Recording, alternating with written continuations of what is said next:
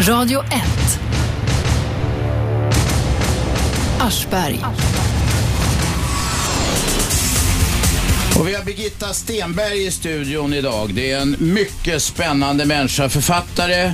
Hon har levt ett liv som de flesta, när hon levde ut som mest, inte kunde, vågade eller kunde drömma om ens på den tiden.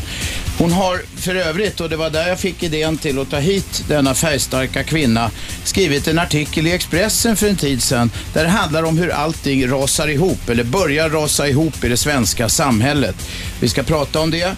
Eh, Birgitta, ska ni veta, har också en väninna med sig här i studion som är ganska blyg. Hon sitter här, hon kommer nicka bara eller skaka på huvudet lite grann. Jag ska försöka förmedla det. Ni som vill ringa till oss under det här programmet eh, ringer 0200 11 12 13. Välkommen hit Birgitta Stenberg. Tackar, tackar, tackar. Du, vad var det som fick dig att skriva den här artikeln i Expressen? Det handlade alltså om, om det här återvalet, eller vad heter det, omvalet i Västra Götaland. Ja, att jag inte hade röstat. Du var bland de 57 procent som inte röstade där. Och jag var stolt över att vara bland dem. Ja, och hur kan man vara det i en demokrati? Ja, jag tycker den har tappat fotfästet lite här hemma. Ja, Demokratin alltså. ja. För jag har ju alltid röstat förut, himmel. Det har varit väldigt viktigt, men det här, som det nu ser ut med den här nedmonteringen av samhället, så, som dessutom påbörjades av sossarna själva, det får man inte glömma. Nej. Det är samma trend, alltså. det, det kommer att bli värre och värre och värre och det är inget roligt. Nej. Men om vi skulle ta några konkreta saker som du pekade på. Du har, du, eftersom du bor på en ö på västkusten, Åstol, det var väl ingen hemlighet hoppas jag? Nej, nej, nej. Att det är Åstol, har- som numera det är mest sommargäster på va? Och jag har inga hemligheter. Mig kan du tala fritt med. Okej, okej. vi ska skona väninnan lite här bara. ja, nu nickar hon. Just det. Ja, eh, eh, du bor på Åstol och där skriver du om exemplet med en, en, en fiskare, en gammal man. Ja. Jo visst, och han hade naturligtvis nött ner sin kropp under det där hårda jobbet de har. För fisket förr var ju väldigt, väldigt krävande. Vad tungt ja, Ja. slitigt. Så att eh, han gick och hade ont och han hade nött ner benet i höften, någonting sådär. Och på den här vårdcentralen så fick han då eh, önska att han skulle få en operation. Och vad jag förstår så har de två listor på sådana här ställen och det är inte bara de på Tjörn utan det är över, överhuvudtaget. Att man har en önskelista och så har man en som man själv sätter ihop. Och de som är på den här listan som de har gjort eh, på vårdcentralen får en operation inom ett år, men de andra blir bara liggande. Mm. Man skjuter på den, man skjuter på den. Men så hade han en släkting som hade lite jävlar anamma som såg till att prata med den här vården. Och då blev han äntligen opererad, men då hade han ju hunnit fördärva sitt knä istället. Ja, man- om man har ont i höften så går man väl lite lattjo antar Ja, och, så, och så sliter det på andra leder då. Ja, det här var ju länge, för han var ju inte den sorten som bråkade. Så jag tror det var minst ett år extra där som han... Men sen fick jag, för att någon, satte, någon släkting till honom satte igång och bråka och härja, så fick han då den här operationen eh, Ja. eh, så småningom. Ja, inte inom eh, Västra Götaland utan söderut i Skåne någonstans tror jag. Jaha, han fick åka dit Mm. från Åstol. Eh, och och, och, och, då, då är det så, menar du, och jag måste hålla med dig, det är ju så att eh, om man inte bråkar med sjukvården så, så kan man i alla fall inte vara säker på att få någon bra vård. Nej, men Trots man, skatterna. kommer man väl in där och lär känna folk där, då kan man ha det bra. Men man måste in och det är det som är det svåra. Och de här stafettläkarna med sina sju minuter per patient eller någonting sånt där som, ja, det är förfärligt alltså. Mm. Sen jämför du i den här artikeln så jämför du med vården utomlands också. Du har kompisar i eh, Frankrike och sånt där. Eh, Och Spanien och lite överallt. ja. Och de är alla glada och lyckliga över sin, det sätt som man sköter om dem där. Men det är inte så att de har köpt privata försäkringar och sånt där då? Det kan man ju till och med göra i Sverige numera, eller har kunnat länge. Mm. Eh, Men oavsett det, om man, om man ber en läkare komma så kommer han och efter att, eh, bland mina vänner i Nice där, så kommer läkaren tillbaka efter att man är färdigbehandlad för att se att det har gått bra. Mm. Ringer upp och kommer alltså hem till människor. Jag tror inte att en läkare i Sverige har sett ett svenskt hem utav sitt eget på evigheter. Nej, det finns för kanske undantag, vissa, vissa lysande undantag, men det är ju inte kutym, det är det inte. Nej. Sen eh, har vi flera saker som du klagar på i den här eh, eh, artikeln. Polisen till exempel, det gjorde vi ett program om här för några veckor sedan, att de här så kallade mängdbrotten, de bara läggs till handlingarna eller läggs ner överhuvudtaget. Du skriver att det är 20 procent Nej, det är det inte. stölder som klaras upp. Det är en alldeles för hög Ja, siffra. visst, det det, är vara- snarare fyra eller något sånt där. Ja, jag vet. Men jag trodde inte att det var möjligt att det var så. Nej, det finns på, på Brottsförebyggande rådets hemsida. Ja, du. Personuppklarade brott, brott kallas det. Eh, De kan säga att det är uppklarat, då är det inte alls uppklarat. Personuppklarat, då har det gått så långt så att en åklagare har beslutat om det ska bli åtalseftergift och då är det, var det ju kanske inget, men brottet som sådant, alltså behandlingen av det var klar. Eller så blir det åtal eller uh, såna här, vad det nu heter, ja böter eller någonting. Oj. Så det är en på 20 eller något sånt där av de där mängdbrotten som klaras upp. Och så misstänker jag att vår maffia nu som har blivit ganska stark i Sverige, olika grupper, grupperingar. Man kan ju läsa om det i Svensk maffia, denna utmärkta bok. Mm. Att, att de, de nöjer sig inte med att hota poliser, de nöj, måste ju gå in på domare också alldeles säkert, även om det inte talas högt om det. Och då är det möjligt att man ändå på något sätt påverkar människor så att de lägger ner fall lite för ofta. Mm. Men vad är receptet då? Du säger du är glad att du inte röstade. Det är mer retoriskt antar jag. Ja, men det, jag är glad att kunna göra en markering så att folk läser den Fick där du några reaktioner på Ja, artikeln? massor. Va- hur, alltså- hur lät de? Precis som du, så här som de ville höra det. Ja. Ja, och det, det, det... Jag är rädd att det är för mycket. Vi vi är inte vana i Sverige vid mutor. När de nu börjar att ta mutor så gör de det så klumpigt. Varför tror du att det är nu?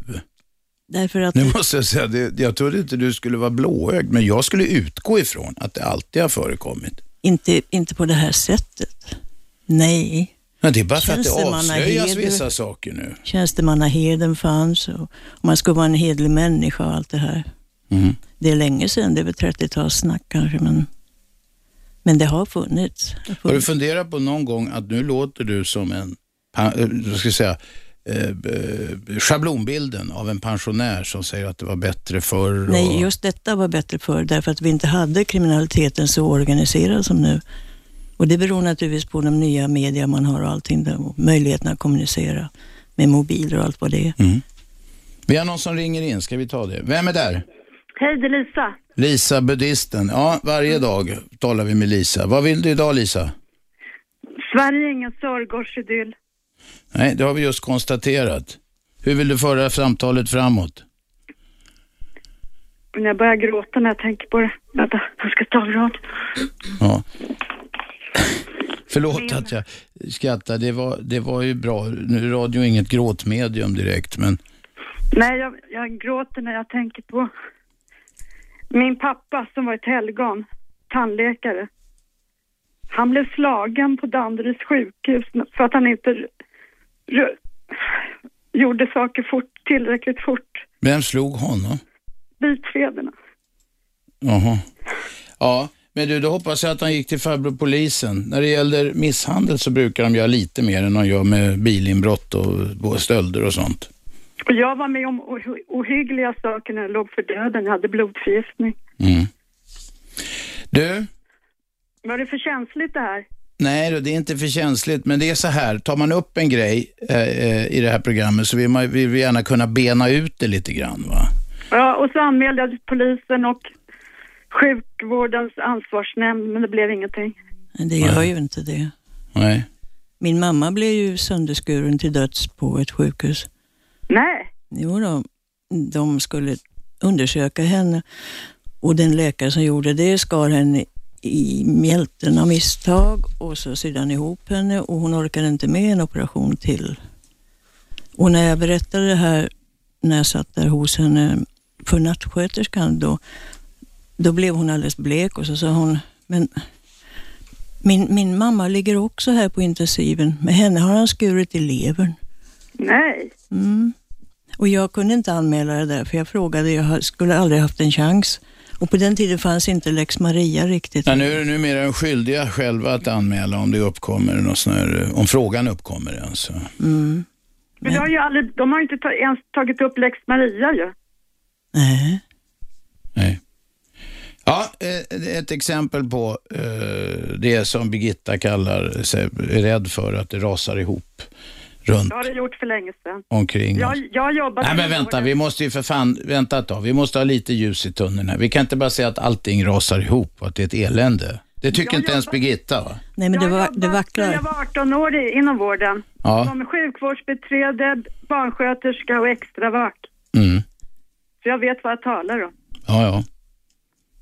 Okej. Tack Lisa för dagens samtal. Vi hörs. 0211 12 13 ni som vill ringa och diskutera med Birgitta Stenberg. Jag ska berätta för lyssnarna att det kommer att komma, nu klagar vi på Sverige och på utvecklingen här och det är bra, det måste man göra. Eh, Birgitta valde att inte gå och rösta. Hon är i och för sig för att rösta annars, jag ska bara säga det.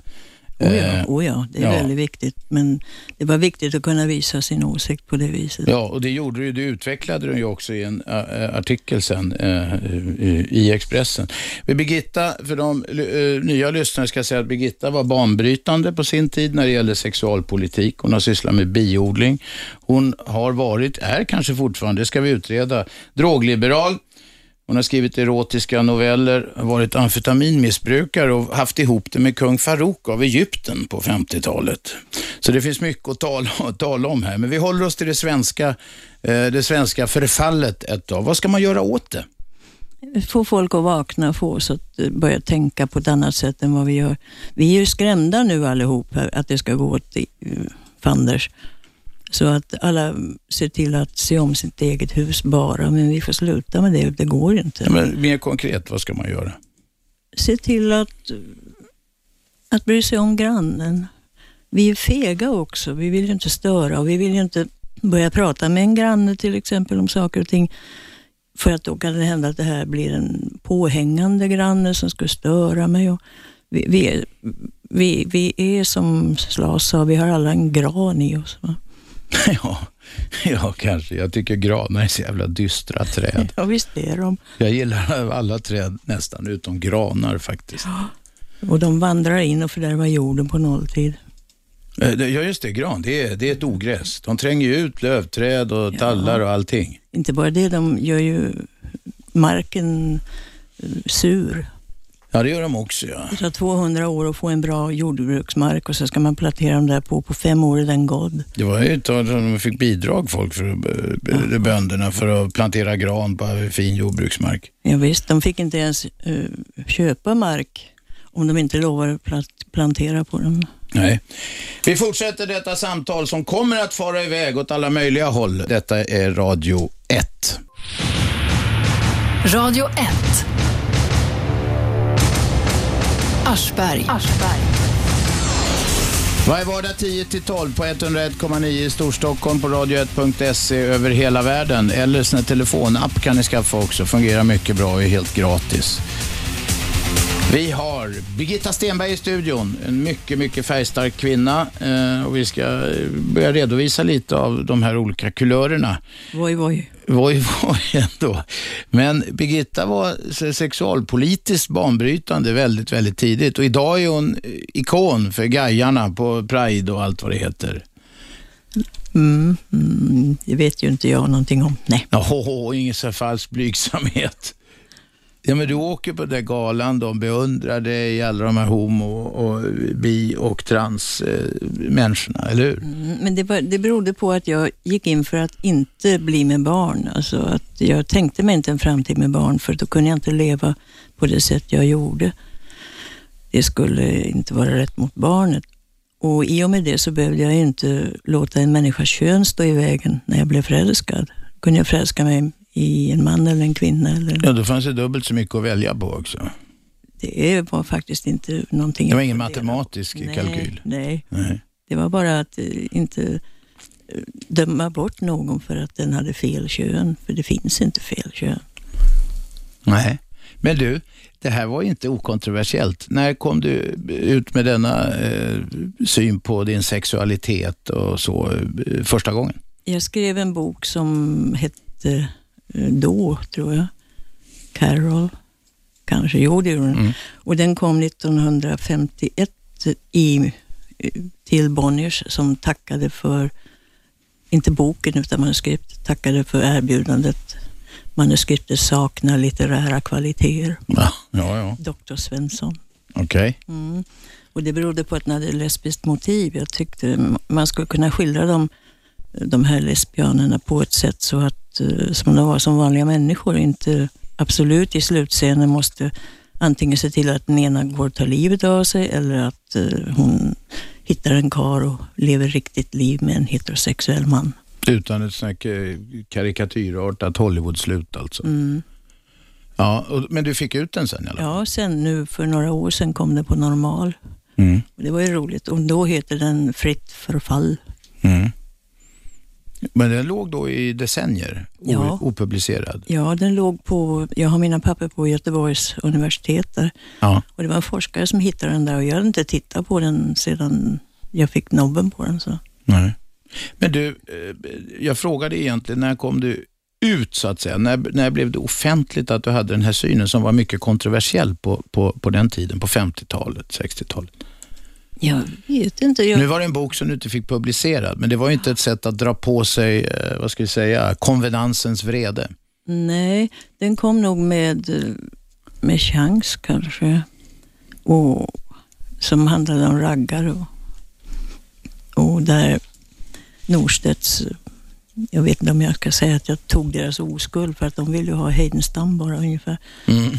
Så att eh, de gav ut fem upplagor på den där på Den sålde utav 1500 helvete alltså. Nej, 1500 ex varje gång och han, Alltså ja, det var inte så, kanske jättemycket, men det var oskulden i alla fall. Svanström grät varje gång han gick till banken Mm. för att jag hade gjort de där pengarna åt honom. Ja, ja. Vänta med 1500, det var ju en feg, feg upplaga. Ja, oh ja, och det var fem stycken. Fem upplagor på, en, på hösten. Jag tror det var fem. Men herregud, det, man, alltså 1500 och så, och så eftersom man då direkt gör nya upplagor så gör man bara 1500 igen. Ja. Det var ju fegt. Ja, det var, visst, han ville inte att den skulle sälja. Men vad var det som var kontroversiellt i den boken då? Att jag skildrade kvinnlig erotik och lite så här.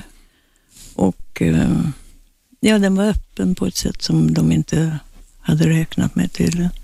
Och så var det en bild på en raggarbil och en tjej som står bredvid den bilen. Och det trodde då den här goda herren att det var en prostituerad förstås. För att, för att det var en raggarbil. Ja. Ja, jo, jo, men folk var ju jävligt trångsynta på den tiden. Ja, och journalisterna var väldigt okunniga om bilar. Jag hade ju Jaguarer och sånt där. Och de skrev att jag hade raggarbilar. Alltså. Ja, journalisterna på den tiden satt på ölfiken och skrev för rad, rad, vad heter det, rad, de var radskrivare som hade inte råd att köpa någon bil överhuvudtaget. Det var ingen statusjobb på den tiden. Det var ett jävla pack bara journalister. Det är det väl idag, fort, det är de väl fortfarande, men det är status i det där i alla fall. Jaha, men det var, du skrev om erotik och det var ju ganska nytt då. Det vill säga, det har väl funnits historiskt men det har alltid varit under bordet eller gömt och sådär. Men det var nytt att ett stort förlag kunde ge ut det där. Ja, och det var tack vare Lasse Bergström som var en yngre förläggare på förlaget. Mm. Så han har skrivit om det här i sin bok eh, Bokmärken om Mm. Nordstedts. Och jag har aldrig fått den och de har sagt på förlaget att de inte har den. Men jag har hittat den ändå för att läsa om det här. Ja, Mm. okej. Nu har vi någon med oss. Vem är där? Hallå? Hallå, vem talar vi med? Eh, är det Aschberg? Ja, du har kommit rätt. direktsändning. Eller fel, men vem, vad vill Nej, du? det, det är rätt. Jag lyssnade på ditt program igår. Ja, Men det gick ju inte att ringa då. Varför hade ni inga hemlösa med? Ja, vi hade inga hemlösa för vi hade en forskare som hade sysslat med och tagit fram alla fakta vi ville ha på bordet. Det är inte, givet, det är inte givet att varje, att, eh, eh, bara att, att man, man har en minoritet eller något, att var och en enskild individ den kan representera hela minoriteten. Nej, jag hör väl till de som inte representerade. Jag är drogfri och har bott i tält i, eh, på samma ställe kan jag säga, fem år. Mm. Och de här eh, enkäterna som skulle fyllas i nu, det är många av oss som inte fyller i det för att vi vill inte vara med. Nej. Så jag tror att mörkertalet är mycket, mycket större. Men vill du ställa upp med strick som ni vill filma Och eh, vill du så kan jag plocka upp ett gäng som både drogmissbrukare och eh, Ja. drogfria och komma och vara med i ett av dina bra program. Du, jag tackar för erbjudandet och ber att få återkomma. Du kan mejla, mejla din, dina kontaktuppgifter, säg dem inte nu, men mejla dem till... Jag försökte hitta det precis. Ja, men vänta, vi har min redaktion som heter Lotta här. Hon säger det nu. Ja, har du papper och penna så kan du mejla till lotta. Punkt Maddetoja. Det där uppfattar jag inte. Men står det inte på radio 1? Ja, men det finns någon info, gör det inte det? Jo, men ta info radio1.se. Gör det, så får vi finnas. det. Info at radio1.se. Bra. Vill du säga något till Birgitta Stenberg? Vet du vem det är? Eh, som pratar nu? Jag som är gäst här i studion. Ja, jag hörde någonting. Eh, jag brukar lyssna på radion på kvällarna. Jag säljer Situation Stockholm vid Ja. Bromma. Men du, Birgitta Stenberg, vill du snacka med henne? Jag har varit på omslaget i den tidningen. Hon har varit på omslaget på, hon har varit på, omslaget på Situation Stockholm, säger hon. Ja. Ja. Jag får väl titta tillbaka bland tidningarna. Ja, gör det. Och så mejla det där som vi sa. Tack för att du ringde. Hej då. 0211 12 13. Vad var det? Vi var inne på något helt annat. Nu var det blev en liten blindtarm här. Ja, det gör inget. Jag Nej. bara talar om att jag skriver där, har skrivit i den. Det har jag sett faktiskt. Ja, men, Jag brukar wow. också köpa den där tidningen. Den har blivit bättre och bättre. Ja, den är riktigt bra. Och eh, ja, för de som inte vet vad det är, så det är en tidning för, för eh, och delvis av hemlösa som ges ut i Stockholm och det är framförallt hemlösa som säljer den där och får en viss avans på det. Eh, och den tar, bara, den tar upp deras, deras frågor i huvudsak. Men den är mycket underhållande och mycket välgjord tidning. Och kommer ni till Göteborg så heter den Faktum där. Just Köp den gärna för det är, Det är väldigt- motsvarande. Ja, vi snackade om eh, sex förstås.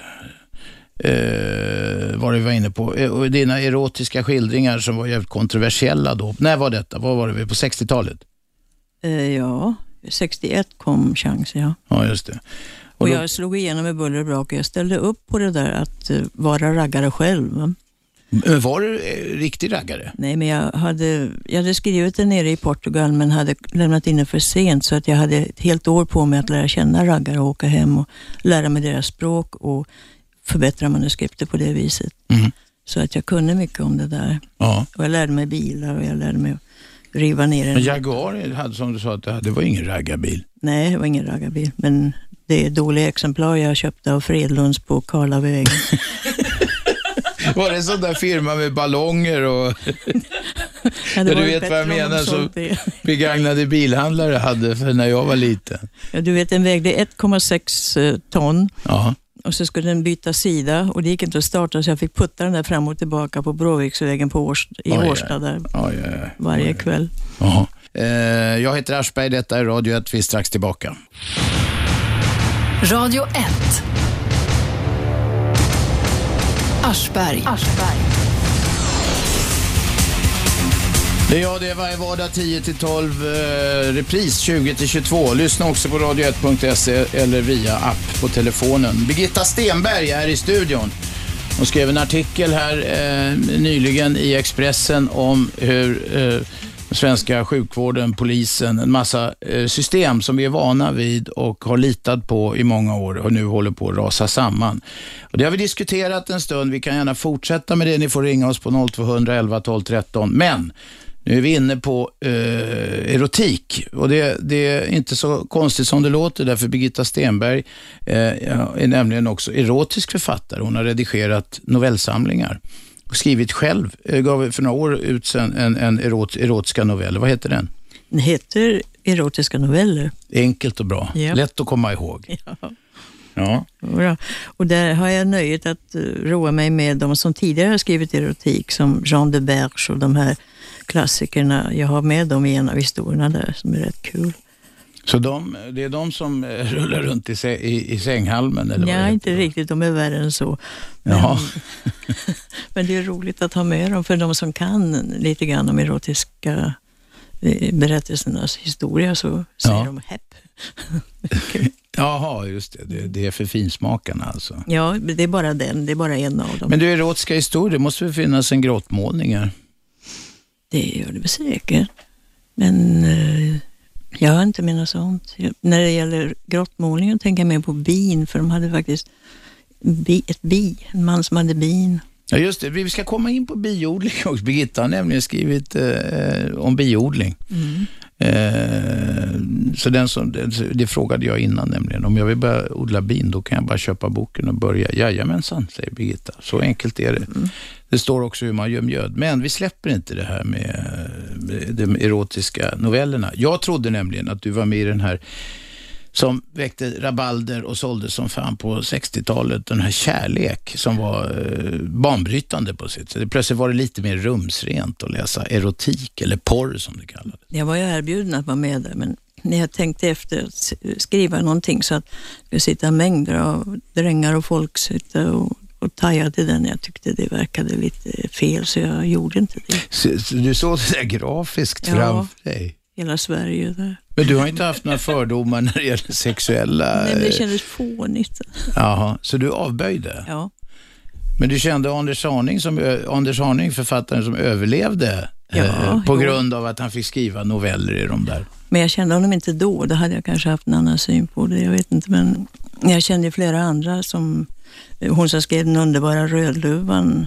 mm, Hon, eh, Anna-Karin Svedberg. Mm. Där har jag också med, var har jag henne i en bok där? Nej, jag är i hennes bok. Ja. Där skriver hon om mig och erotiska förhållanden kvinnor emellan. Mm. Den heter Ving, Det vingklippta. Mm. Men du, du har inte bara varit ihop med tjejer, nu är du ju Nej, nej. Vanlig svenne i det avseendet. Äh, Är du inte det? vad är en Nej, svenne? du- Jaha, som, som alla andra. Jag som alla andra bor där på med kar i kåk och hela... Nej. Jag har kört med trianglar lite grann för det tycker jag är spännande. Ja. Men eh, det har hänt saker och ting som har gjort att jag, jag har blivit lite borgerligare. Det är pinsamt att erkänna det, men så är det. Hur har du blivit borgerligare? Berätta. Ja, jag träffar någon som envisas med att vara tillräckligt attraktiv för en tvåsamhet. Jag vet inte vad jag ska göra av mig. Så du, du, man måste inte ha gruppsex hela tiden? Nej, Nej, okej. det går det också. Jag menar, Ja. Eh, Det är en person som är helt fantastisk. ja, ja. Grattis, vad trevligt.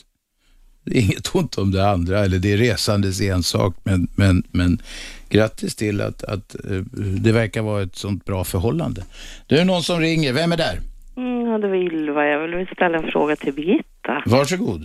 Är hon där? Ja, Hon är här, ja, hon sitter Ja, här. det det mitt låter emot ju väldigt spännande med dina böcker. Jag har faktiskt inte haft möjlighet att läsa dem. Men eh, eh, det ska bli intressant att göra det, Mm. tycker jag. ja. Vad var det för något du Äh. tänkte på då i första hand? Nej, jag själv har levt faktiskt, eh, förutom 70-talet då som var ganska vilt för alla här i Stockholm i alla fall och eh, stora delar av Sverige så har jag nog levt väldigt konservativt. Jag har varit förlovad. Sju gånger har jag varit förlovad. Men bröllopsklockorna har aldrig ringt. Nej, jag vill, vi behöver inte ta det nu va? Nej, nej, men du Jag säger förlovad sju gånger. Förlovning har jag aldrig begripit vad det ska vara bra för. Men, Ja, men det, då prövar man om det är lämpligt att gifta ja, ja, ja. Och så Det- kan man ju- konservativa familjer så, så gör det så. Mina föräldrar har alltid jag- du, velat att jag ska gifta mig nämligen.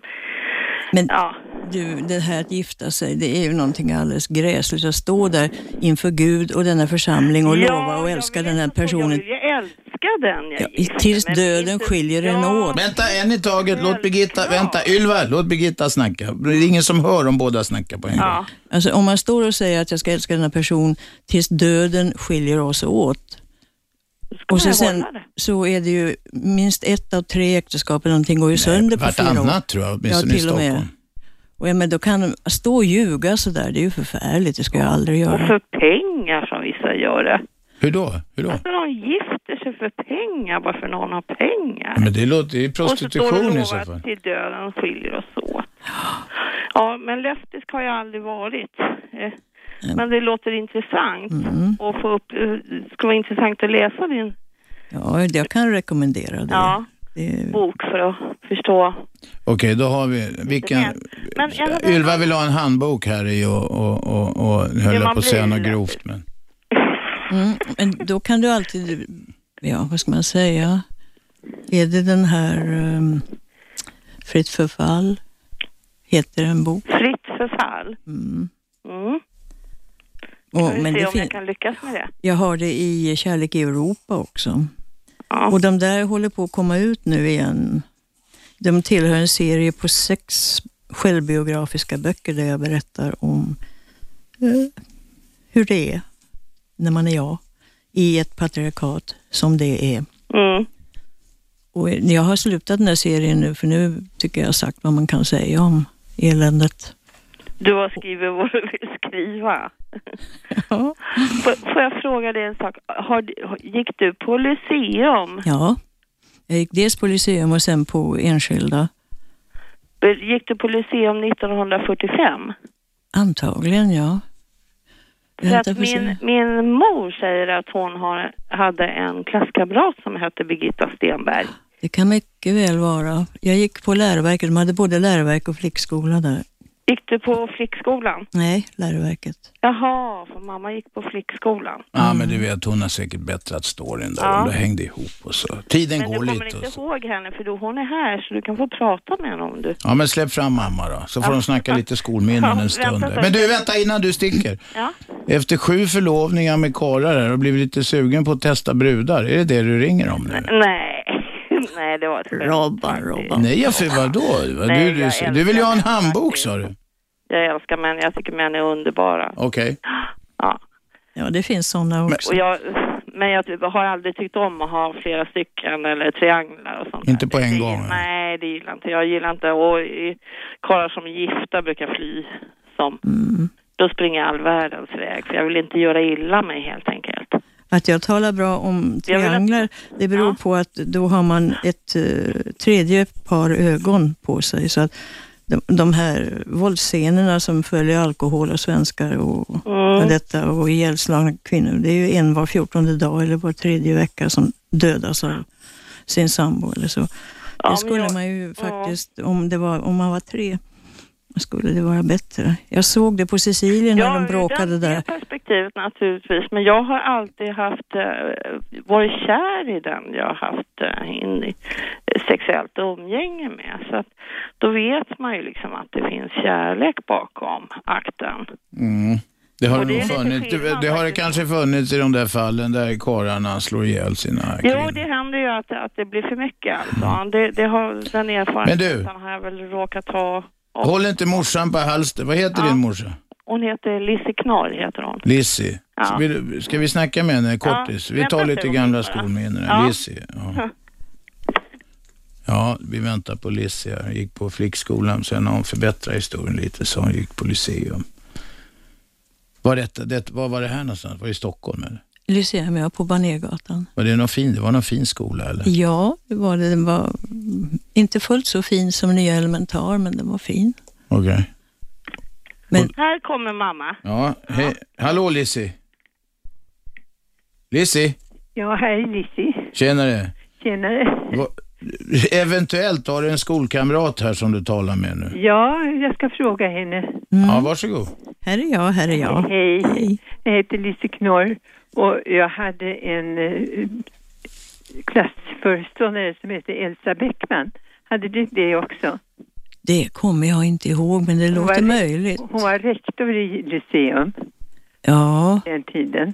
vi hade ju den här, i svenska hade vi den här mannen som var präst, som blev biskop eller någonting. Med Åh, tiden. ja, han, en eh, präst läste eh, på morgnarna eh, böner och sånt där för att vi skulle sköta oss väl. Sånt skit hade vi ända till jag slapp det i skolan. Ja, Ja, ja men, men han var inte vår lärare, inte min lärare i alla fall. nej. Han var lärare i svenska och han gav mig fina betyg, vilket Ja, gladde mig. fattas Ja. bara annat.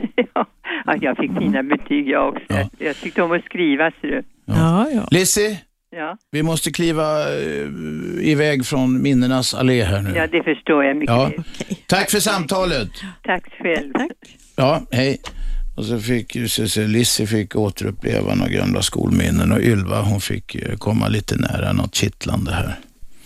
Kittlande. Ja, för henne var det kanske det. Hon ville ju ha, läsa böcker om kärlek mellan kvinnor. Vad skrattar du åt? Jag tycker vi skrattar allihop.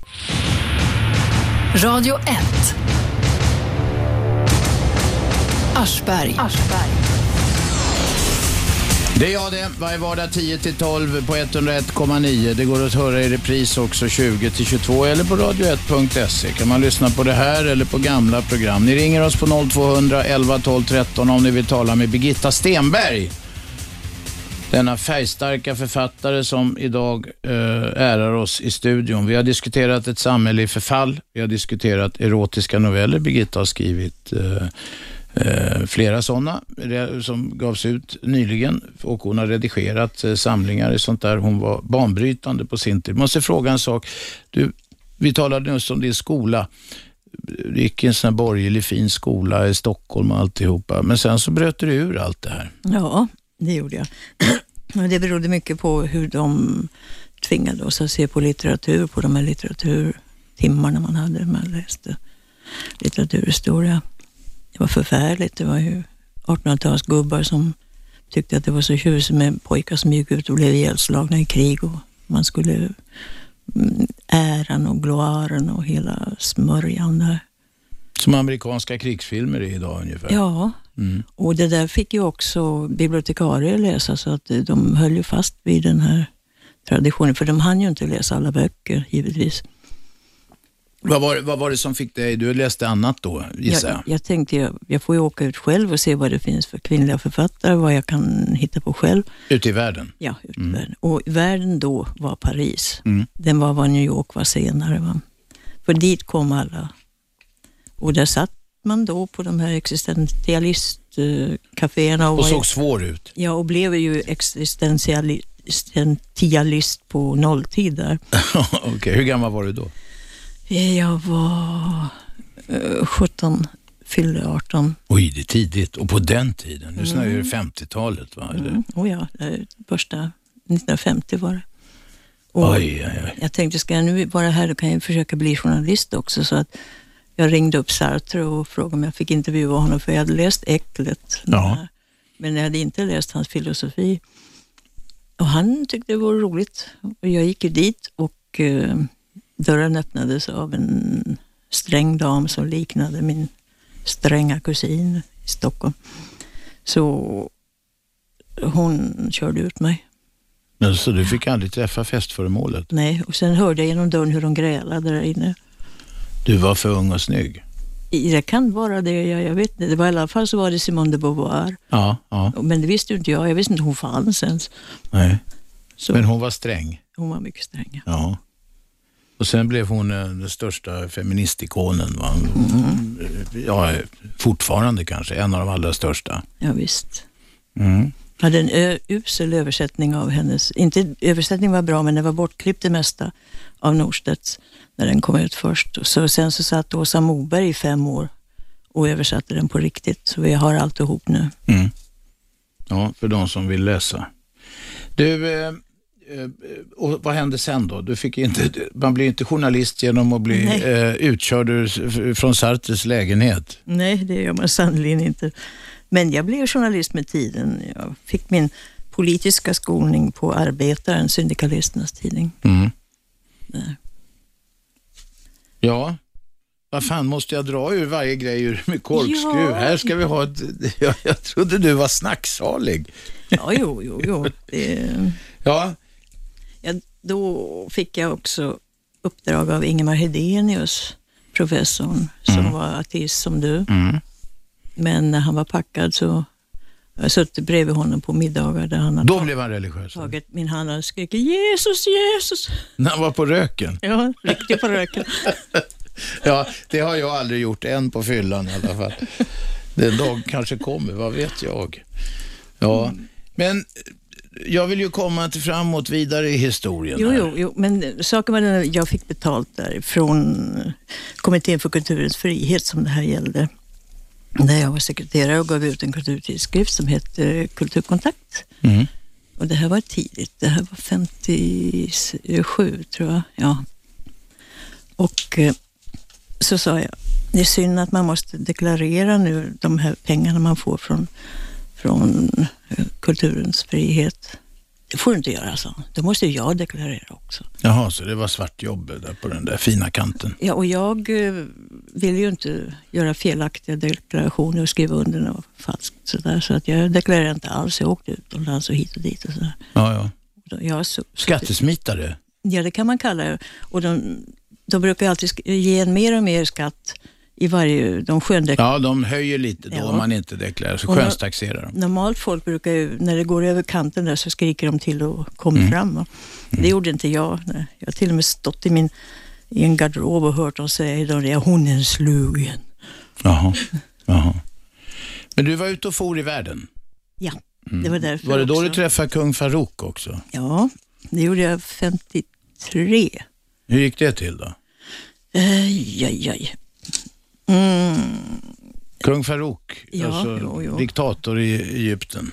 Nej, Så- det var han inte då han var avsatt. Så Alltså, jaha, just det, 54. Just det, 54 tvingades han fly från Egypten, så det var inte i Egypten du träffade honom, Nej, nej. utan det var när han var i exil. Mm. Jag Jag, sett på träffade någon- honom på, på uh, vänta vad säger på Capri. Okej. Mm. För där, om det är rätt att det var Capri, jo det var det väl. Mm. För där fanns uh, Canzone. Det var på Capri vi mötte varandra. Fanns inte en sån där sliten ja. slag? Ja, okej. Jag minns den som du varit igår. ja. I alla fall så stal jag hans badvatten där. Genom att eh, jag var nere hos, eh, på Canzone del Mare som tillhörde en sångerska som jag kände. Och jag tyckte det var lite tråkigt när han pratade om grejer så jag gick och hoppade i en bassäng. Jag hade min eh, baddräkt på mig under. Och så när jag kom upp i vattnet där så satt han tillsammans med narriman med, nästan med någon som fläktade honom som de gjorde i gamla Jaha, ja, ja, med någon stackars uh, och de, de skulle ju bada i det här och det hade jag då hoppat i.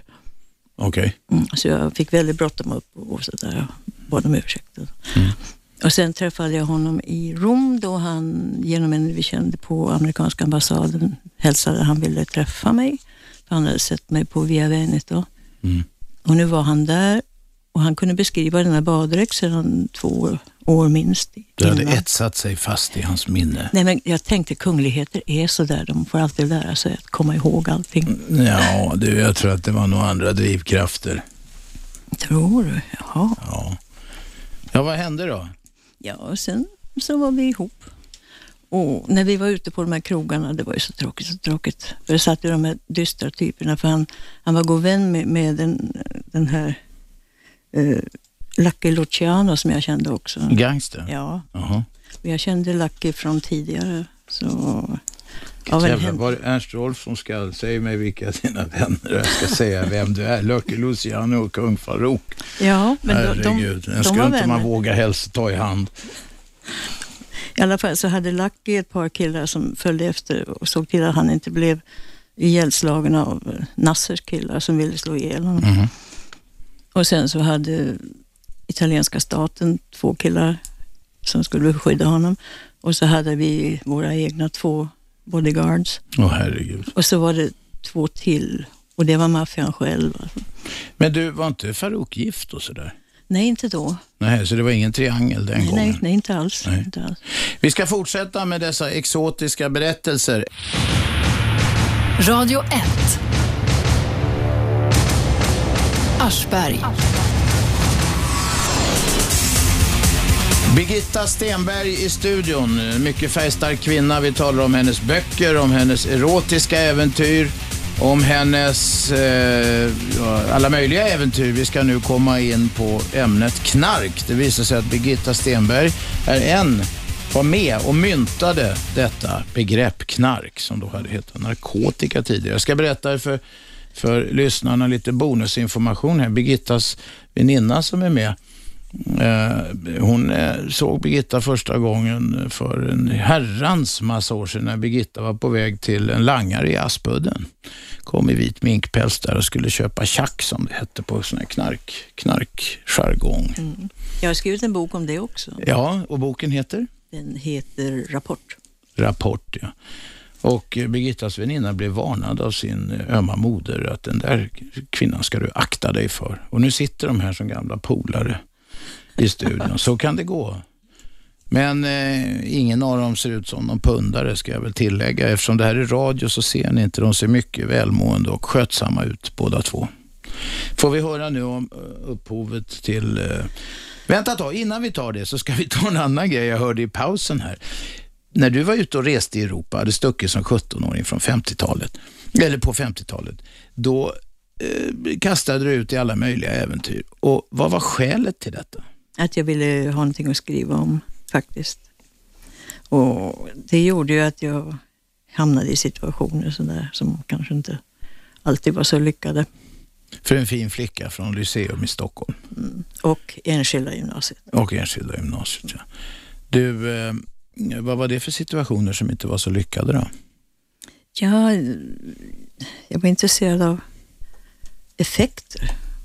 Om man ska skriva måste man ju få fram effekter, tänkte jag. Mm. Ska jag berätta det här om kinesen? Ja, ja, kinesen, det låter spännande. Vad hände? Han var oerhört tråkig och väldigt trevlig och väldigt... Var träffade du kinesen? Ja, det här är en... Paul Andersson, poeten, Ja. skulle hämta biljetter åt oss, hämta ut dem, köpa dem. Och eh, han stack istället med de pengarna. Aj då. Mm, och då var jag kvar. Då För du, ni var ihop då eller? Nej, Nej? nej, nej. Bara Ni var komp kompisar? Ja. Var, var, var är vi nu någonstans? Paris. Paris? Ja. På 50-talet? Mm. Och den här amerikanen gjorde mig eh, skyldig de där pengarna. Så att han fixade det här med kinesen, att jag skulle på det viset få fram pengar åt honom. Hans egna pengar. Som, Nu hänger jag inte med. ja, han så att säga sålde mig till kinesen nere i Cannes. Jaha, för, för de här pengarna som Som Paul hade stuckit. den danske poeten hade stuckit med era res... Nej, inte danske. Nej, jag, jag, Paul. Nej, förlåt. Inte, okej.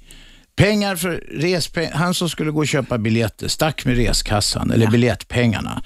Ja. Där uppstod en skuld till en amerikan Mm. som För- sen ville sälja dig till en kines Ja, för, att för få tillbaka Det var, pengarna. också, det var också hans respengar som Jaha, okej. Ja, ja, visst. Och den här kinesen var, han, han, ja himmel. I alla fall så hade de eh, tvätteri och de hade krog. Och där skulle jag hålla till. Och det var ju så tråkigt, jag ville ju se världen. Och så tänkte jag, nu säger jag att det är slut. Du, eh, förlåt, du skulle hålla till? Det... Ja, jag skulle vara som i familj med honom. Jaha. Och det, det var inte min dröm. Och, eh, ja, I Cannes var han så prydlig så att han hade paraply med sig när han skulle gå ut och gå i solskenet. Var, Parasoll. Ja. nej, Paraply, fast han använder det som parasoll. nej, han För att- använde det inte. Nej. Det var fint lindat. Han spatserar bara Ja. med det. Okej. Ja. Så då sa jag, när vi satt på den där krogen, nu, nu är det slut, jag gör slut. Och säger han, Men du hade ett förhållande med kinesen? ja det är klart. Och Ja. Då sa han, är det för att jag är kines? Mhm. Och det var det ju inte. För Nej. Jag beundrar ju kineser och kineser är ju väldigt stolta över att vara kineser. Mm. Men vad händer om jag säger ja då? Mm. Och då sa jag ja. Mm. Och han jagade mig med sin förskärare där hela vägen till centralstationen där i Cannes. Och då fick du något att skriva om. Japp, det Du, det, det måste jag säga. Om man läser det där sen. mm. kan du göra, det står i Ja, Kärlek men då, i Europa. Då måste, jag, då måste jag ju säga att då får man ju se att det är svett, möda, uppoffringar utav helvete bakom dessa rader. Ja, men de blev bra. Ja, det, ja, det blir nog säkert. Jag ser fram emot att få läsa detta. Okej, då går vi in på knark. Förresten, de som vill ringa och tala med Birgitta Stenberg, ni ringer 0211 12 13. Då går vi in på knark. Du hade alltså kommit där eh, och då var du väl eh, missbrukare redan när du skulle hämta i Aspudden? Ja, ja, oh ja, visst. Jag var vad som heter tung narkoman eller någonting sånt där. Du sprutade Ja. amfetamin alltså? Ja, men det gjorde jag inte första tiden minsann. då, som det hette på den tiden, knaprade jag bara. Ja, man tog, käkade helt Mm. enkelt. Ja, knapra. Och det gjorde jag i Paris. Och det här var alltså, jag är så glad att få berätta det här varje gång jag har möjlighet. Så gör jag det. På baren La Reine Blanche, som var hetero på dagen och homo på kvällen, Okej. så träffade jag genom Mario Grutt, som var skolkamrat med mig då. Han skrev i Aftonbladet sen recensent länge. Och han sa han hade, det fanns en svensk poet på det där stället som brukade gå där som hette Paul Andersson. Mhm. Och jag kom in där och så gick jag fram till honom där han stod och, han talade franska. Och han, jag sa, hej jag har hört att du är svensk. Och då tittade han på mig och sa, har du läst Rimbaud? Mm. Nej, gör det så kan vi talas vid sen. Oj, vilken jävla snobb. Ja. Och jag lyckades hitta en eh, engelsk utgåva med både engelska och franska texten som jag läste på natten då av Rimbaus, eh, någon av dem. En samling var det förresten. Och så kunde jag till och med läsa en av dikterna på franska nästa dag när jag störtade dit för att träffa honom. Eh, Undlät han sig då till att eh, Ja, tala, sen tala med dig? Ja. Men han var lite irriterande ibland när han när någon talade med mig på La Reine Blanche där, medan han höll på att säga något till mig och han, jag inte hörde på honom, så brände han mig med en cigarett rakt på handen. Så där, Vad är det för jävla fason? du ska lyssna när jag talar. Hur orkade du med en sån pajas? Därför att han hade en så underbar förmåga att säga bra saker. Mhm. Och han kunde... Och du samlade till dina böcker? Ja. eller? Okej. Och jag vill ju skriva om honom också. Du har honom också. Han går som en röd tråd genom sex böcker. Ja, ja. ja. Eh, fem av dem förresten. Mm, mm, mm. Därför att han var magnifik. Och vi köpte ju, han lärde mig att eh, köpa amfetamin, det vill säga metadon och sånt där. Och så var det en svensk på den här baren som var nyfiken på vad vi pratade om. Så vi sa, vi får kalla det här någonting annat. Man kan inte tala om det här som amfetamin och sånt. För det fattade alla vad det var, det var inte Ja, lagligt och det- och så då? det hade vi ingen, ja man fick ju köpa det utan recept. Så det var inte Jaha, så det var lagligt. Ja, Ja, men ja. Det, var, det var inte comme då, som det Nej. hette i Paris, att, att använda det? Nej, och så för vi- annat än vad det nu skulle vara medicinskt bruk? Ja. Mm. Och, eh, så vi hittade på, det fanns en, en läkare här i Stockholm som hade ett namn som var nästan som knark och som skrev ut mycket fritt här. Och vi ville ju hylla honom så att vi hittade på det här ordet. För vi sa det, man tuggar då också, för det var på den tiden, så det knarrar, alltså, man hör det i munnen när man, Mhm. käken går. Så, så vi kallar det för knark. Och det fan, ordet knark, knarka, fanns ju förut, men aldrig använt på narkotika. Nej. Så att Fredrik Lindström sa att jag inte hade kommit med det där. Och Stig Trenter har i sin Guldgåsen skrivit hissen knarkade och segade sig långsamt upp. Men vad är det gamla ordet knarka? Det låter som någon variant på knarra. Ja, visst det var det. Ja, det är det. Det var det Mm. hissen gjorde, den knarkade inte. Nej. Men sån hiss vill man inte åka med. Den kan gå så fort. Ibland känns det som man gör det. Ja, ja. ja okej. Och då myntade ni begreppet Ja, knark. och sen kom det med oss hem till Stockholm. Mm.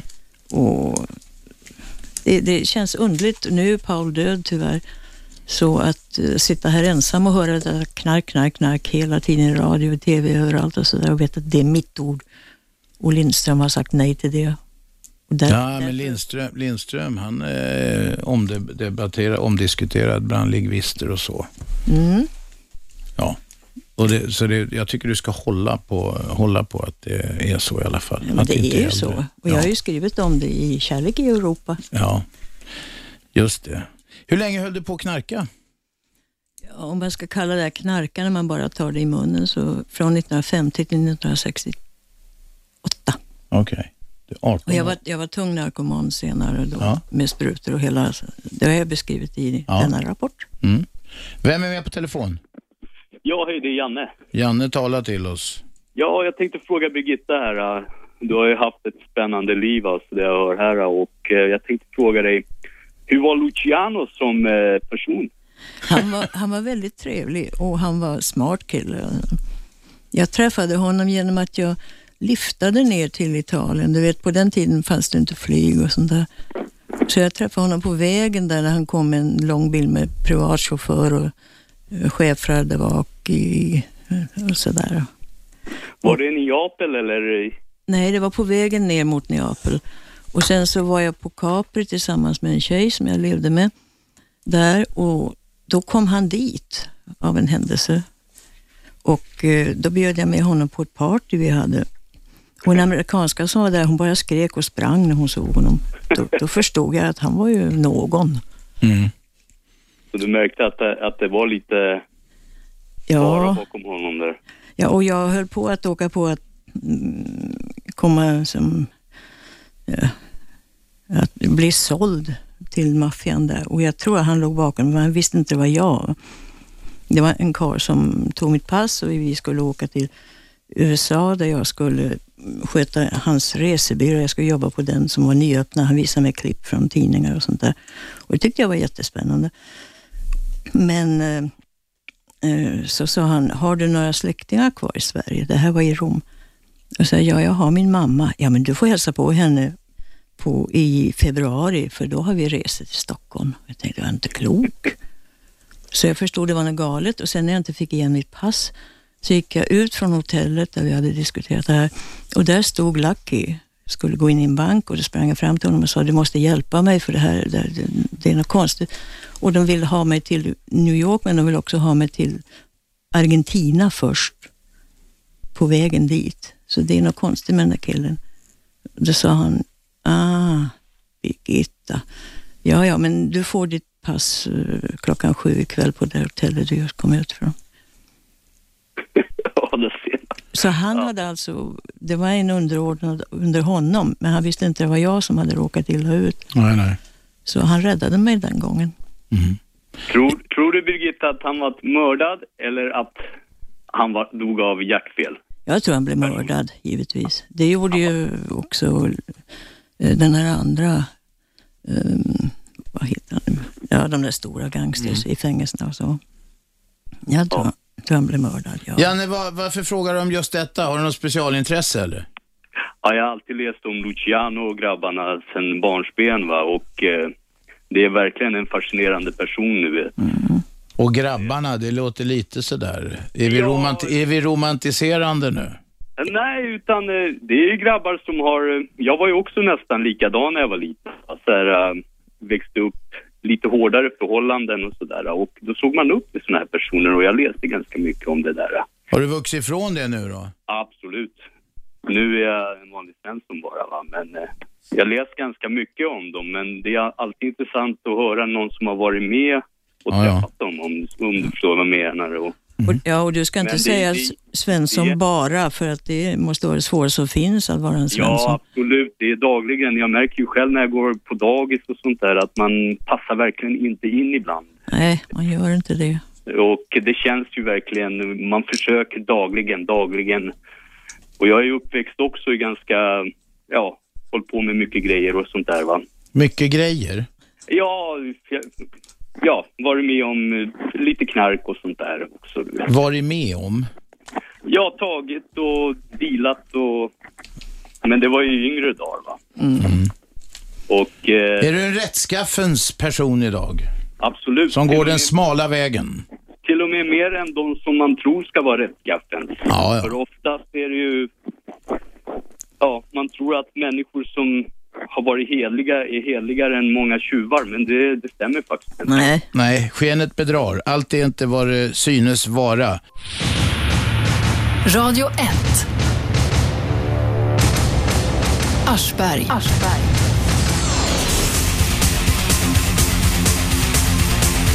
Aschberg heter jag, 101,9. Vi fastnade i en diskussion här i pausen. Därför var jag några sekunder sen ut i luften igen för vi började diskutera knark här.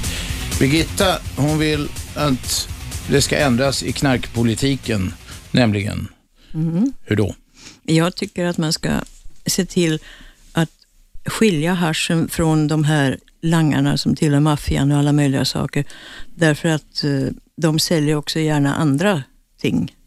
Det är som man skulle tänka sig, man kom in på systemet och ska köpa en öl och då säger kvinnan där, nej men ta lite whisky istället. Det är så pass. Och jag skulle vilja, för haschen gör att människor sitter still, lyssnar till musik. Nu kommer du naturligtvis tala om de här som har psykos och så, men det, får, det är ju samma som med alkohol. Det finns människor som åker dit på det. Men de är inte många och framförallt är de inte våldsamma. De slår inte ihjäl sina fruar. Och vi skulle kunna få ett mycket bättre samhälle på det viset om man kunde lära svenskar att hålla sig ifrån alkohol i sådana här vilda mängder.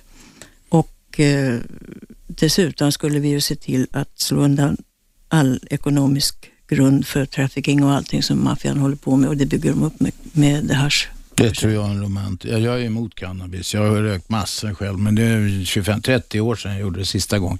Men ja, i och för sig, ring oss om denna diskussion Ja. också om ni vill. 0200 11 12 13. Men eh, vi låter inte fastna vid det. Men Birgitta vill att hasch ska säljas på... Apotek och Varför på apotek? Det, varför inte på ICA och Konsum? Nej, nej, det ska vara kontrollerat precis som alkoholen är i Sverige. Okej. Så det, det ska inte vara lättåtkomligt. Och de 10 procent som anses predestinerade för att få haschpsykoser då, vad gör vi med dem? De tar hand om dem, ser till att ha en god vård för dem. Det finns inte nu. Det är en usel narkomanvård vi har i Sverige. Vem är med på telefon? Hej, det är Lisa. Ja, buddhisten. Okej, håll det kort. I Amerika så har de... Eh, läkarna skriver ut hasch till de som har MS. Mm. I vissa delstater så får man, eh, om man har vissa sjukdomar eller under vissa betingelser så kan man då få legal utskrivning av cannabis. Ja, och vad vill du ha sagt med det? Jag har en kär vän som fick MS när hennes barn var små. Och hon har sagt till mig att jag välkomnar allt som kan få mig att må bättre. Mm. Ja, Det är bra. tack för det. Jag hörde att du kallades för Haschberg när du gick i skolan. Ja, Haschberg, Aschelberg i småskolan och Haschberg i gymnasiet. Undrar vad det beror på. Du, Lisa, tack för samtalet. Folk växer till sig. Vet du. Ja, idag är det en och annan som säger bara Aschberg som det låter. Tänka sig. Men jag är snart 60 bast. Det tog ett tag. Du, eh, ja, jag, jag är helt motståndare mot det där. Ja, och, eh, men Lisa som ringde, hon tycker det är kanon. Alla ska få röka brass om de har någon åkomma. Det hon. kommer att bli, det kommer att hända det här. De har ju redan talat om att göra det legalt i, i flera... Och de har det ju legalt på sitt sätt. Finland är det väl på... I Finland kan man väl få cannabis på recept om man har cancer? Ja, och i... i I Holland stoppar de det nu för turisterna. Ja, för turisterna väljer ju in, men själva har de slutat att använda så mycket sedan det blev legalt. Mm. Och det är också intressant. Det var någon som Det är inte inget spännande med det. Aha, du menar att det kommer, det kommer gå ner om det blir lagligt? Det ja, tror det inte tror jag jag. ett dyft Jo, på. jo, det tror jag. Så det betyder att om, om sprit förbjöds så skulle konsumtionen öka? Människan behöver Det, ha... det, vänta då, när de sänkte skatterna i Finland på sprit för ett tag sedan så ökade drickandet katastrofalt. Mhm. Och så höjde de skatterna igen. Mm. Så det är klart att restriktioner minskar bruket. Sträng höjde skatterna på alkohol så pass att folk köpte mycket mindre och då sänkte han dem igen. Ja, men han hade ju en annan agenda också. Är stålar in till statskassan? På hans tid var inte skatterna lika höga alls. Nej, Det var de inte. 0211 12 13. Ja, det här samtalet handlar verkligen om allt, om allt möjligt. Eh, Vi, ska backa en liten stund till kung Farouk som Birgitta var ihop med ett tag. Hur länge pågick detta? ja, det var inte så hemskt länge. Var väl... ja, vi hade brevkontakt efteråt. Och, Ja, men var det fem minuter eller var det en månad eller var det ett halvår? nej, det var väl mellan eh, ett par månader var det väl. Mm. Jag skrev så mycket hela tiden. Så. Den- Och det var inte roligt. Han bodde i Grotta Ferrata som ligger utanför Rom och hans pansarbil och hans eh, i trädgården. Man kunde inte gå ut i trädgården för där var de här hundarna som skulle vakta mot eh, sådana som kunde tänkas vilja honom illa. Det var ju många. Och de där vakterna överallt och så. Jag, jag tröttnade. Mm. Och så hade han det här med att han avskydde journalister. Det var jag ju absolut inte, men han misstänkte hela tiden, tänk om jag ändå var det. Va? Så jag, när han ville ha med mig till Schweiz så, så sa jag nej och så Mm. stack jag. Okej. Han hade en stor porrfilmsamling, vilket var unikt på den tiden. Tror jag var, inte. Ja, men jag har sett delar av den Ja, på ja. Filmhuset ordnade några visningar här. Ja, ja, men vem hade gjort 30 honom i den tror du? Om inte han hette Nasser. Efter att han var utkastad. Ja, du menar att det var propaganda bara? Visst emot honom, ja. Ja, det var inget fel på filmerna i alla fall. Nej. Utom att de var svartvita, så man fick ju använda Och det hette att han krökade också, gjorde han aldrig. Han var ju muslim. Mm. Nej, nej. Och han var Det finns muslimer som krökar. muslim var han. Ja, ja, okej. Då. Och det var helt fritt fram för alla att kasta skit på honom i pressen. Mm. Men, men vad säger du nu? I själva verket var det en mycket fin människa, eller? Ja, han var, han var, han var gullig, han var söt, han var rar. Han Ja. hade lite, lite enkel humor. Uh, Enkel humor. ja. Ja, som vår nuvarande kung kanske. Lite enkel humor. Eh, vi är strax tillbaka och då fortsätter samtalet med den färgstarka Birgitta Stenberg. Radio 1. Aschberg. Varje vardag 10-12, repris 20-22. Frekvensen är 100,9 i Storstockholm, upp till Norrtälje och en bra bit söderut. Annars lyssnar ni på radio1.se på nätet eller via telefonapp om ni har sån här modern telefon. Den är gratis, den är öppen och fungerar alldeles utmärkt. Vi har haft en del joggare som har ringt in. Och det är jättekul, fast de får ställa sig stilla. Vi vill inte ha det där flåset i telefonerna. Och vare sig ni joggar eller ej, ring på 0211 12 13. Vi har Birgitta Stenberg i studion. En mycket färgstark människa som har brutit mot många konventioner och gjort väldigt många grejer som de flesta människor skulle tycka var hemskt aparta eller konstiga eller nästan fasansfulla för att de ville ha grejer att skriva om. Men det var inte därför du knarkade så pass länge. Alltså i 18 år först så käkade du amfetamin och sen Ja. så började du spruta. Men jag käkade inte så mycket och det var ju det, jag kunde inte skriva på amfetamin. Det kunde poeten Paul Andersson. Han kunde skriva på heroin och på allt möjligt, på vad som helst. Han kunde till och med skriva på injicerad hostmedicin med socker i. Åh herregud, kunde han skriva nykter? Ja, kunde han väl också, men jag vet inte om jag någonsin såg honom det. Nej. Men eh, jag kunde inte det, det blev inte bra. Så när jag jobbade så fick jag låta bli och det var kanske min räddning egentligen som gjorde att jag kunde komma ifrån det till sist. Men du är på spruta, du är på spruta amfetamin ända fram till 68. Hur många år blev det här sammanlagt? Det blev en jävla massa år, ett par Ja. decennier. Oh ja, men jag, jag gick inte varje dag på det när jag näbbade, när jag bara tog det oralt. Alltså. Nej. För det var ju, och då skrev jag också, Näbbade, det har jag aldrig hört. Jag käkade med näbben alltså. Ja.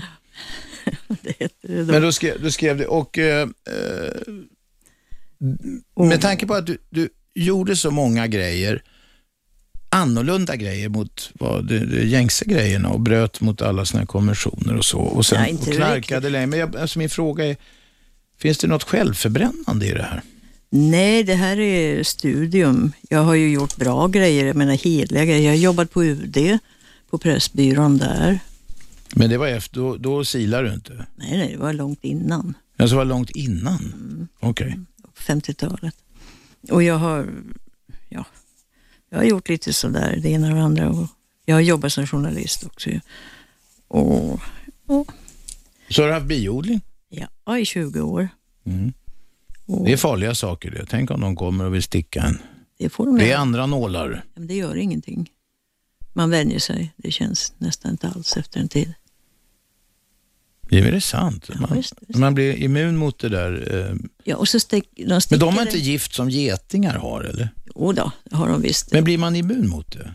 Nej, man reagerar mindre och mindre på det. Mm. Och de lär ju känna en så de låter ju bli också. Just det. De vet vem jag är när jag kommer dit. Om jag hade kommit och ställt mig bred, då hade jag blivit attackerad. Ja, jag får ju hoppas att de är normala. Men nu finns det så få så jag är så olycklig för detta. Det finns 3 procent kvar på jorden hela yta av bin. Av, av hur mycket, alltså var, när går vi tillbaka? På, det, har detta skett på 100 år eller 10 år? Eller? På, på kanske fem år.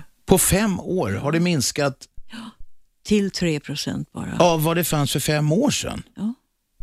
Och vad beror det på? Det kan vara gifter, de har några grejer som ligger kvar i daggen och de hämtar dagg på morgonen. Det kan vara det som gör De dricker dagg alltså? Ja, de tar hem till eh, Mm. barn. Så Ja. Och, De små bibebisarna? ja. Ja. Men, men, det kan vara också de här G-masterna och sådana här saker. Det är samma sak med valarna. De är, kastar sig upp på land och tar livet av sig för de kan inte navigera längre för de kan inte höra. För de Ja, fast men, dra slutsatser, det har de väl alltid gjort? Nej, för de har ju de här övningarna, militärövningarna med sprängningar och sånt där. Jo men herregud.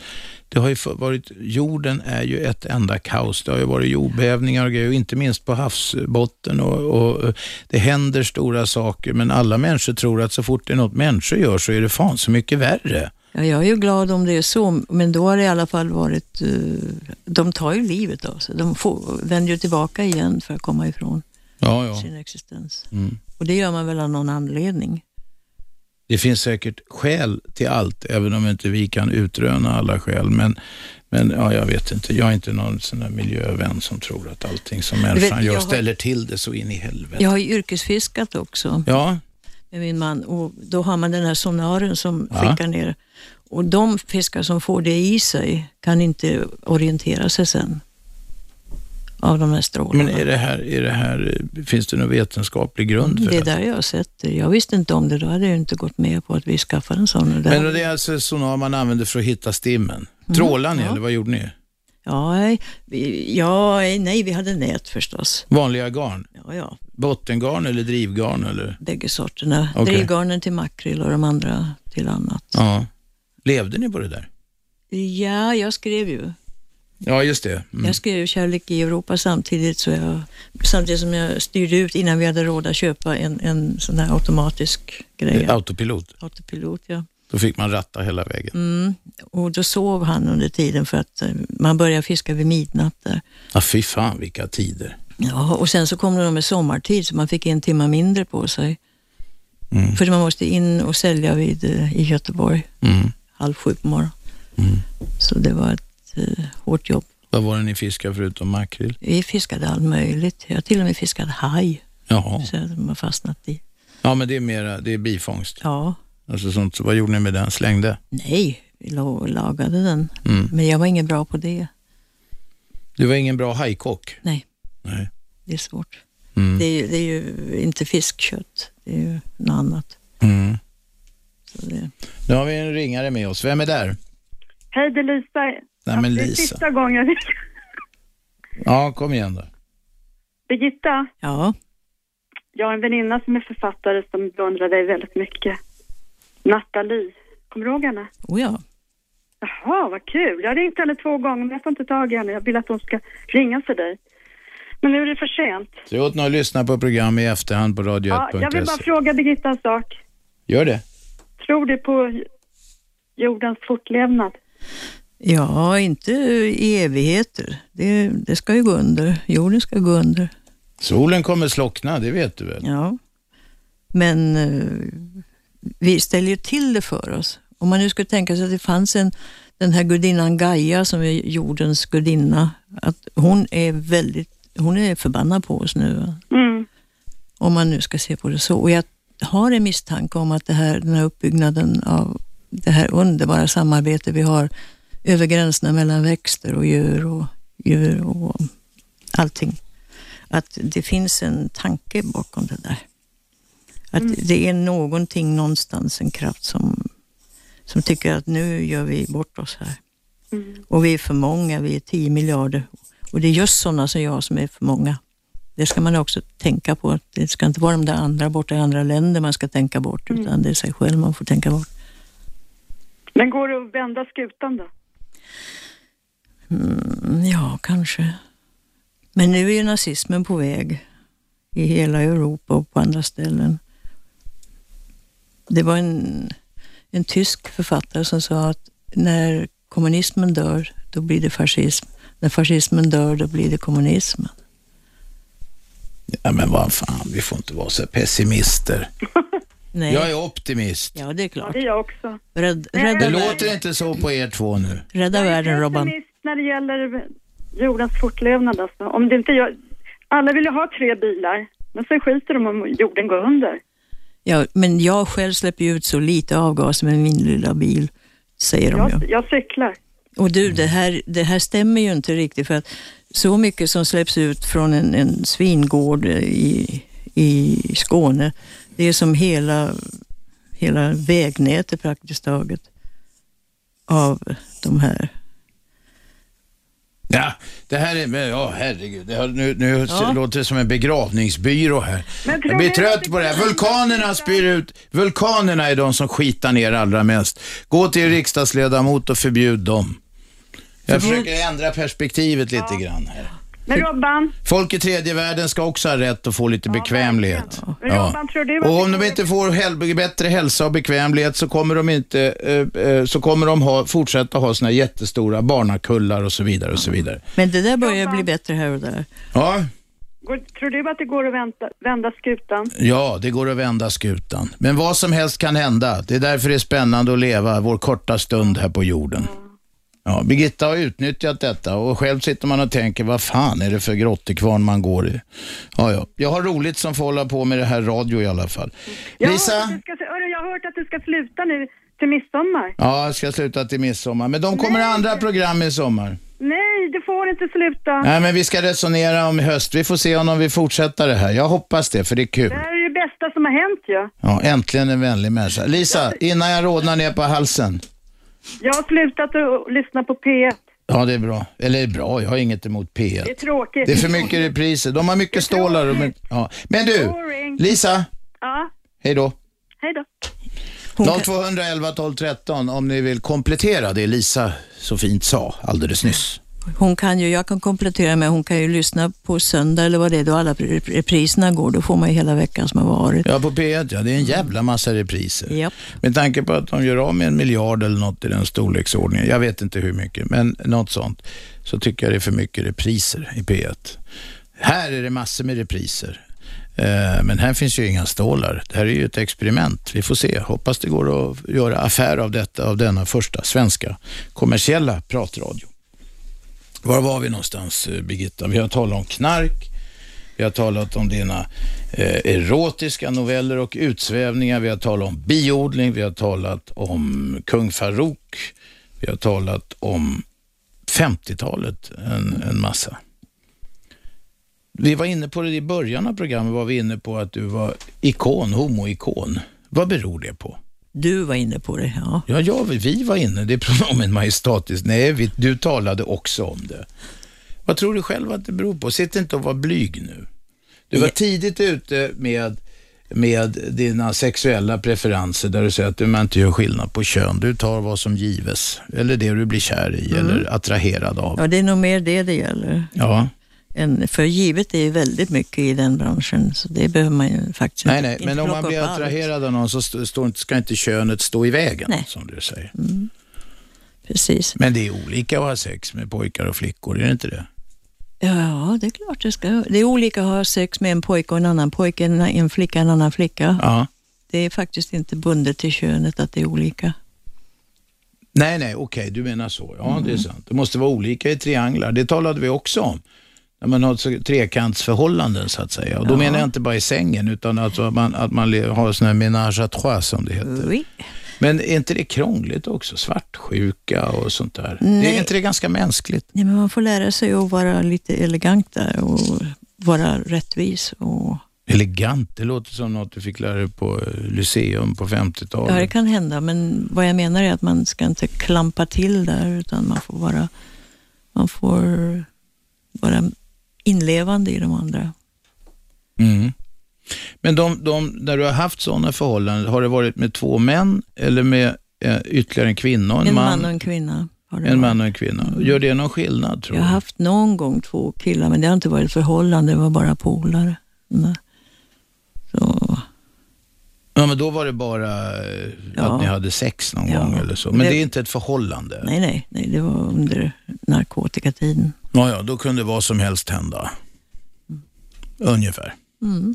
Ja. Och du ser jävligt nöjd ut när du säger mhm. Mm. Radio 1.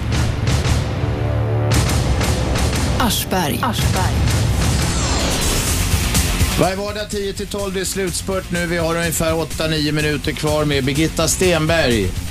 Framgångsrik, framförallt färgstark författare som har skrivit rader av böcker. Dessutom skriver barnböcker. Ja. Nämligen böckerna om Billy. Hur många sådana böcker har kommit ut? Ja, det är väl 16. Den senaste heter Billy på sjukhus och den är rätt kul faktiskt. Och vad händer med honom, stackaren? Ja. Barn brukar inte gilla att gå på sjukhus. Nej, men eh, den, den, ja, den är rolig. Ja. Men det, det, är, det är barnböcker. Vilken åldersgrupp? När man skriver för barn. De här gör jag tillsammans med den briljante Matti Lepp som tecknar. Ja, han gör fina teckningar. Ja, så att det är väl från fyra år eller neråt också och uppåt också. Mm. Och jag hörde i någon skola hade ju tolvåringar till och med läst dem med glädje. Så olika. Lite barnsliga tonåringar kanske. Eller tolvåringar. Ja, eller också lite lämpliga Ja. Men jag tänkte Birgitta, det fanns väl ett startskott till att du började skriva barnböcker? Har jag hört på radio att du pratade om, eh, om ditt äktenskap och att ni inte kunde kommunicera utan Ja, att, ja, just det. det var. Mannen var så barnslig så. Ja, nej, men det här är spännande. Ja. Ja. Nej, men han var, han var som han var. Oj, oj, oj. Så, nej, alltså, jag gifte mig sent. Va? Mm. Jag var väl nästan 40 år och vi kunde ju inte, varken jag eller, eller Håkan var ju så här duktiga på att leva i äktenskap just. Så att eh, vi, och vi var ju ordmänniskor bägge två, men här kraschade vi ihop och han skakade mig och jag luggade honom och då rakade han av sig håret.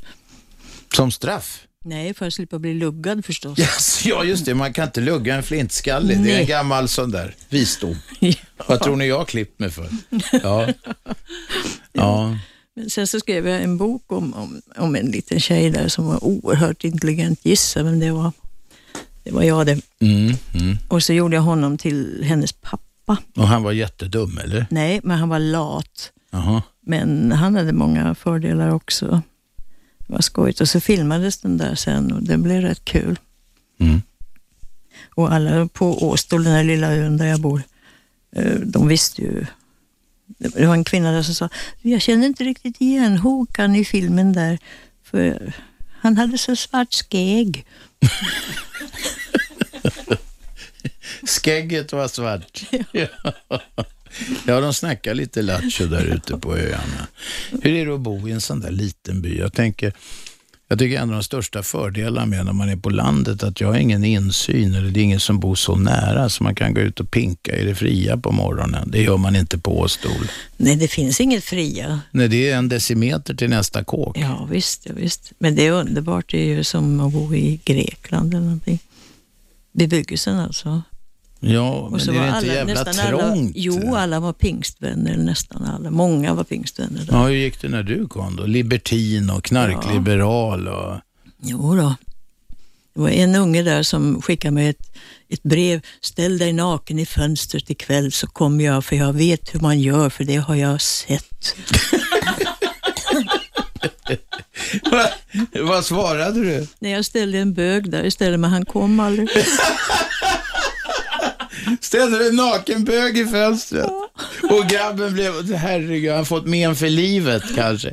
Han hade drömt något riktigt fint där. Du vet hur inkrökt det är och hur, hur de marteras av sina drömmar, de här pingstvännerna. Och så håller de på och pippar som fan i smyg. Och, ja, det, ja, och det är hela Knutby, allt det där. Jag får, det kliar när jag tänker på det. De har det nog inte så lätt. Nej, det har de inte. Och de, de får ju inga tjejer heller om de inte är pingstvänner, eller så var det förut.